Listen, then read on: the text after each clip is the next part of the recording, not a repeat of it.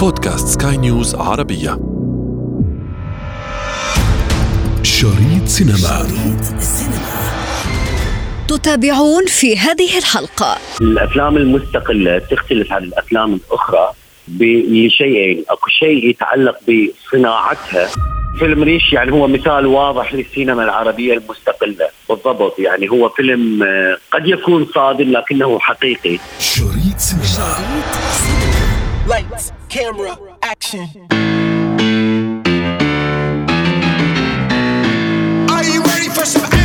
الإنسان دائما ما يريد أن يخرج عن المألوف في أفكاره في تأملاته وفي عواطفه وحتى في فنه.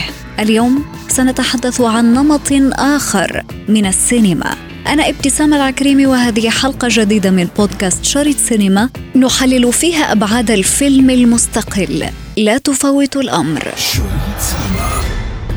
هي نمط آخر من السينما التي تسير نحو الجمهور بوتيرة متنامية يقودها مزيج من الشغف والرؤى والهواجس الإنسانية.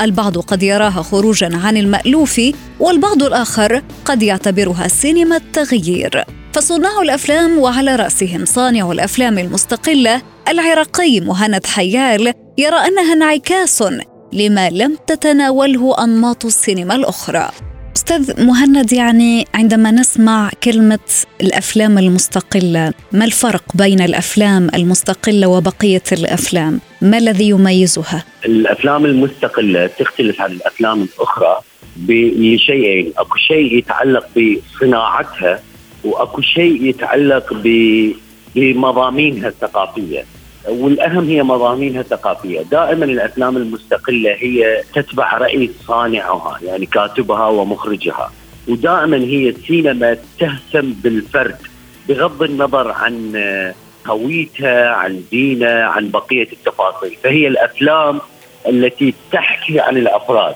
يعني هذه ال- الفرد بمعناه الوجودي. يعني بغض النظر عن هو لمن ينتمي شو جنسيته شو تفاصيله. هي تركز على الهم الإنساني المشترك بين الياباني والعراقي والإماراتي والأمريكي والغاني وهكذا. فدائما جمهور السينما المستقلة هو مو جمهور يعني مو شرط يكون هو الجم- الجمهور الذي صنع فيه الفيلم. يعني إذا فيلم كان عراقي مثلا هو مو شرط يكون هو موجه للجمهور العراقي فقط وإنما يشوفون العالم كله. جمهور السينما المستقلة هو بكل مكان ودائما آه، تشوفين يعني ه- هذا المعنى انه نحن بنقول السينما اللي تتكلم عن الأفراد ال- الأفراد بأخطائهم وبالاشياء الجيدة والأشياء السيئة بعيدة عن ال- الدعائية بعيدة عن كل ما هو غير حقيقي. البطل مال الأفلام المستقلة قد يخطأ يخطأ وممكن يكون سيء أيضا. وممكن يكون جيد بنفس الوقت. يشبه الإنسان يشبه حياته الطبيعية. لما اعمل فلوس هجيب لكم فيلا كبيره فيها حمام سباحه كبير. وترابيزه بلياردو كمان. تعرفوا أنتوا الاثنين يعني ترابيزة برياض ترابيزه بلياردو كبيرة كده ترابيزه كبيرة خضرة كده عليها كور كتير كده ومضرب فيلم ريش يدخل في تصنيفات الأفلام المستقلة. جميعكم تتذكرون تلك الضجة التي حصلت. بعد إعلان عرضه الأول. قصة ريش تتناول من يصفهم كاتب السيناريو بالقضايا الهامشية. رجل فقير يود أن يسعد طفلا من أطفاله في عيد ميلاده. يجلب ساحرا ليحوله إلى دجاجة. فيذهب الأب في مهب الريح. أكيد فيلم ريش يعني هو مثال واضح للسينما العربية المستقله بالضبط. يعني هو فيلم آه، قد يكون صادم لكنه حقيقي. وأني عمر أيضا أحب شغله جدا. وأيضا خلينا نجي على ال party الثاني من السينما المستقلة هي إنتاجها. دائما السينما المستقلة تنتج بموازنات منخفضة ال low budget وما تعتمد ال- الأشياء اللي معتمدة بالأفلام الأخرى سواء كانت الأفلام التجارية أو أفلام الأستوديوهات أو إلى آخره. مثلا مثل ماذا؟ يعني حضرتك هلا ذكرت إنه لا تنتج داخل الاستوديوهات، السينما المستقلة هي تسمية أو تعريف للأفلام السينمائية اللي بيتم إنتاجها خارج منظومة الاستوديوهات والشركات الإنتاج والتوزيع الكبرى، طيب كيف؟ في بداية السينما كانت تنتج خارج داخل الاستوديوهات أوكي؟ هذه من من هنا هي بدأت فكرة الأفلام المستقلة. فلما أنتجت خارق لما آه، المخرجين بدأوا يحملون كاميراتهم ويذهبون نحو الشارع يصورون الشارع يصورون أفلامهم بالشارع وسط الناس وسط اللوكيشنات الحقيقية وسط التفاصيل. هذه كانت بداية السينما المستقلة. لكن طورت فيما بعد وصارت سينما تحكي عن هموم الإنسان خصوصا هموم الإنسان المعاصر. تحكي عن تكون جدا حقيقية دون تزويق دون دعاية. وأيضا السينما المستقلة هي لا تنتج من منتج واحد. دائما تشوفين الفيلم السينمائي المستقل. تلقين به خمس دول. تلقين انتاج مثلا الامارات العراق أمريكا فرنسا. فأكو أكثر من منتج يدخل يساهم في إنتاج هذا الفيلم. ودائما إنتاجها يكون هي مو من الشركات الربحية. دائما هي تعتمد على الفند على الدعم السينمائي المستقل اللي هي المؤسسات اللي تدعم السينما المستقلة المنتشرة حول العالم. يعني يمكن بالإمارات كان في مهرجان دبي وأيضا مهرجان كان وبرلين ودوحة فيلم انستوت وغيرها وأمريكان فيلم ماركت وبوسان فيلم ماركت. What do you think? You're a you're a genie? Jeffrey Godefroy turns worthless objects into works that cost millions and millions of dollars just by signing them. You want my soul? The Man Who Sold His Skin. فيلم تونسي فاز بجوائز عديدة لطرحه إشكالية المهاجر العربي في أوروبا. صراع بين الحرية والطرف المادي. هذا ما يقدمه الفيلم. هذا فيلم مستقل آه، للمخرجة الرائعة كوثر مهنية مخرجة من تونس. كوثر صديقة عزيزة وهي مخرجة من طراز رفيع صراحة. أستاذ مهند حضرتك يعني صانع أفلام. تجربتك في السينما المستقلة كيف كانت؟ واحكي لنا كمان عن وقفة من الأفلام يلي حضرتك صنعتها. ما الذي كانت تهدف له؟ وأيضا لو نلقي نظرة شاملة عن أبرز الذكريات من الأفلام من أروع الأفلام المستقلة. شوفي أنا اشتغلت من السينما تقريبا بعد 2003 تعرفين انت قبل 2003 كان آه، النظام العراقي نظام شمولي فالأفلام التي تنتج هي تخضع للرقابة وهي عبارة عن بروباغندا للنظام الحاكم بوقتها، لكن بعد 2003 بسبب انفتاح البلد، بسبب مساحة الحرية اللي توفرت، بغض النظر عن كون الاحتلال وهذه المواضيع السياسية، يعني مو موضوعنا هذا، بس كانت أكو مساحة كبيرة للتعبير عن الرأي، فلهذا السبب بدت سينما مغايرة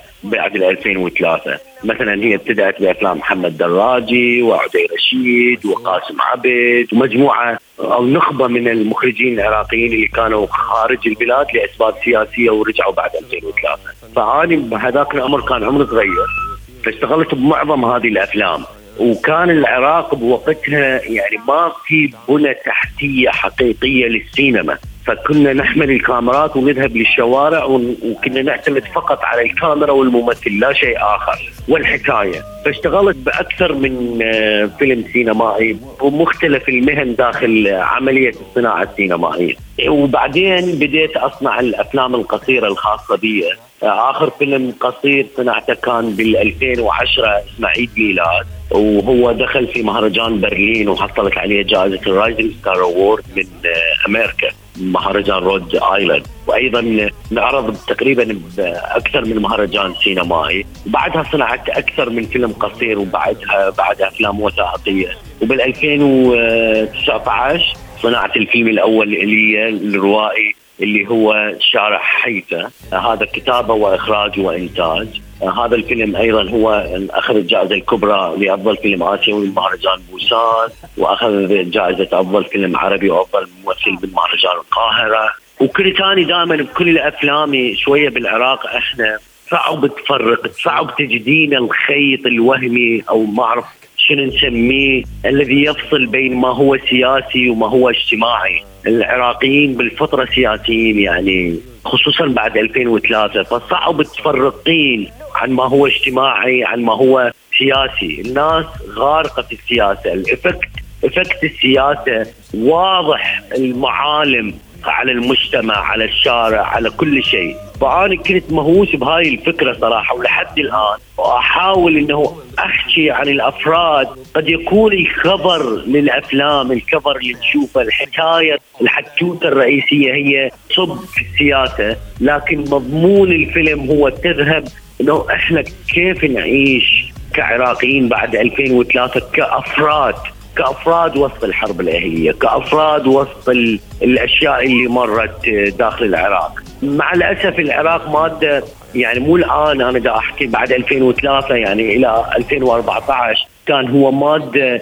دسمه للاعلام فأنت تشوفين السايد اللي, يصلح للأخبار السياسية لكن أنت ما تشوفين حيوات الناس كيف هاي الناس تحب؟ شلون تعيش؟ شلون تمارس حياتها اليومية؟ شلون تدرس؟ شلون تصنع أفلام؟ شلون تنجح؟ وإلى آخره. فأنا لحد الآن مهووس بهاي الفكرة كل همي بالأفلام اللي أسويها اريد أشوف هذا السايد من حياة العراقيين. وبعدين أنا أيضا منتج أنا ساهمت بإنتاج منتج مشارك لخمس أفلام أو ست أفلام طويلة أفلام ناجحة بالمقاييس الفنية ولساتني هنا ببغداد دا أشتغل.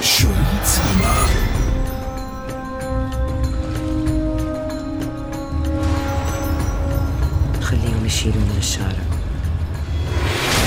الهموم الفردية. إنسانية الإنسان هي من أبرز القضايا التي يريد صناع هذه الأفلام أن تصل إلى عيون الجماهير. يعني مثلا أحكي لك قصة شارع حيفا مثلا الفيلم الأخير اللي صنعته. شارع حيفا يتكلم عن قناص. قناص في الحرب الأهلية مكانه فوق الاماره ويقتل أي شخص يمر بهذا الشارع اللي هو شارع حيفا اللي هو واحد من أهم شوارع بغداد. لكن انت من دخلين على الفيلم انت ما تشوفين هذه الحكاية. على طول الفيلم هذا قناص وحيد. قناص عنده وحدة وجودية. إحنا قريبين جدا منه عن كيف يتصرف. ليش صار هذا قناص؟ يعني إحنا ما ركزنا على عملية القتل وإنما رحنا على الخلفيات على ما هو نفسي. هو تشوفينه دائما وحدة بغرفته ولا يتكلم ونبدي نتفحصه. كيف يتصرف؟ شنو ردود أفعاله؟ من وين هذا صار؟ كيف تحول إلى هاي الشخصية؟ ودون أن نطلق عليه حكم. يعني أنت لما يخلص الفيلم أنت ما يكون عندك قرار هل هذا سيء أو جيد. هل هذا قاتل أو مو قاتل. أنت تباوعين عليه. نمنحك هذه الفرصة. تنظرين لهذا القناص ب 360 درجة، تنظرين إلى من أكثر من زوايا، مو فقط زاوية القتل، يعني أنت لما تشوفين الأفلام التجارية لما يخرجون قناص يطلعوا لك إنه هو عنده عضلات، يقتل، قاسي، هنا الموضوع آخر، إحنا هنا نشوفج الوجه القاسي من عنده بس بنفس الوقت نشوفك الوجه الإنساني من عنده، يعني إحنا هذا القناص بعدين نكتشف إنه هذا كان شاب عادي حاله حال أي عراقي لكن عبوه ناسفه فجرت على رتل أمريكي أخذوا كل الناس اللي في الشارع. هو واحد من الناس اللي أخذوهم من الشارع ودخل أبو السجن أبو غريب وتم اغتصابه. بسجن أبو غريب بالحادثة الشهيرة، أنت على طول الفيلم شفتي كيف يقتل، بس لما تعرفين هذا ال background راح تفهمين المسببات اللي قادت هذا الشاب اللي هو عيونه دائما تحسينها في بكى جواها، تحسين إنه ليش ده يقتل؟ شو اللي صار فيه؟ يعني بالأخير السينما المستقلة لما تصنع فيلم عن العراق مثلا عن بغداد هي تصنع عن فرد ببغداد، ما تعامل هذا الفرد إنه هو بغدادي أو هو عراقي. يعني ما تعامله معاملة كتل تعامله معاملة فرد.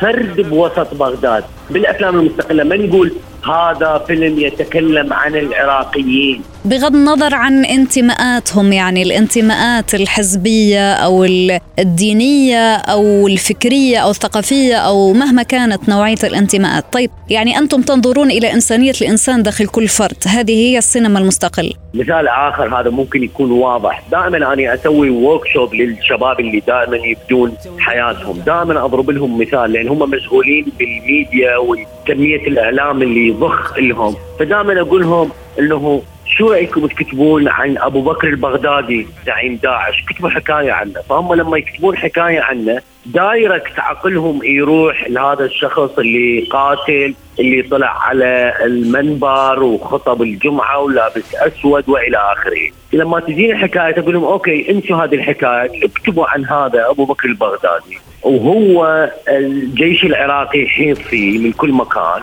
مطوق المدينة اللي هو فيها لكن هو بهاي اللحظة اللي تكتبون عليه تكتبون حكايتكم عليه هو وابنه ابنه الوحيد درجة حرارته واصلة 50 درجة. يعني ابنه عنده حرارة مسخن أو عنده برد عنده نزلة برد.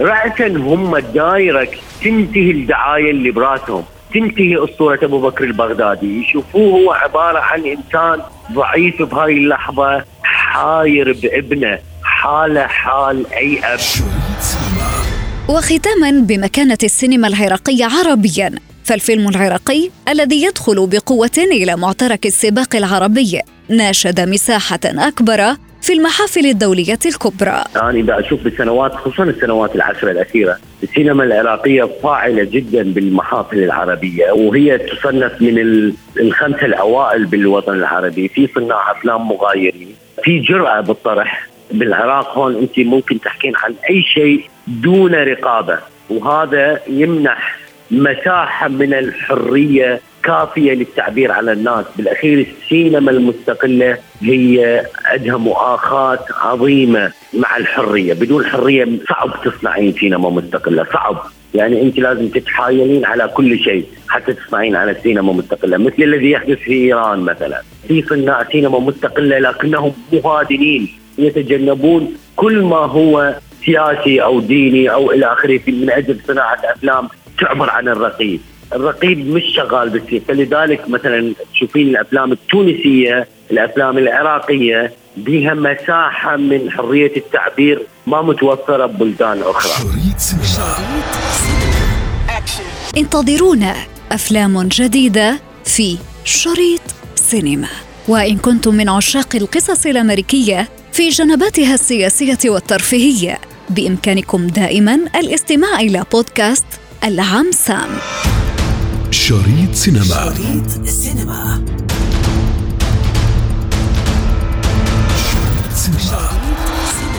وفي ختام حلقتنا نذكركم بمتابعتنا والاستماع لنا عبر منصة البودكاست لسكاي نيوز عربية وباقي منصات البودكاست الأخرى. كنت معكم في الإعداد والتقديم أنا ابتسام العكريمي وكان في الإخراج نويل بولس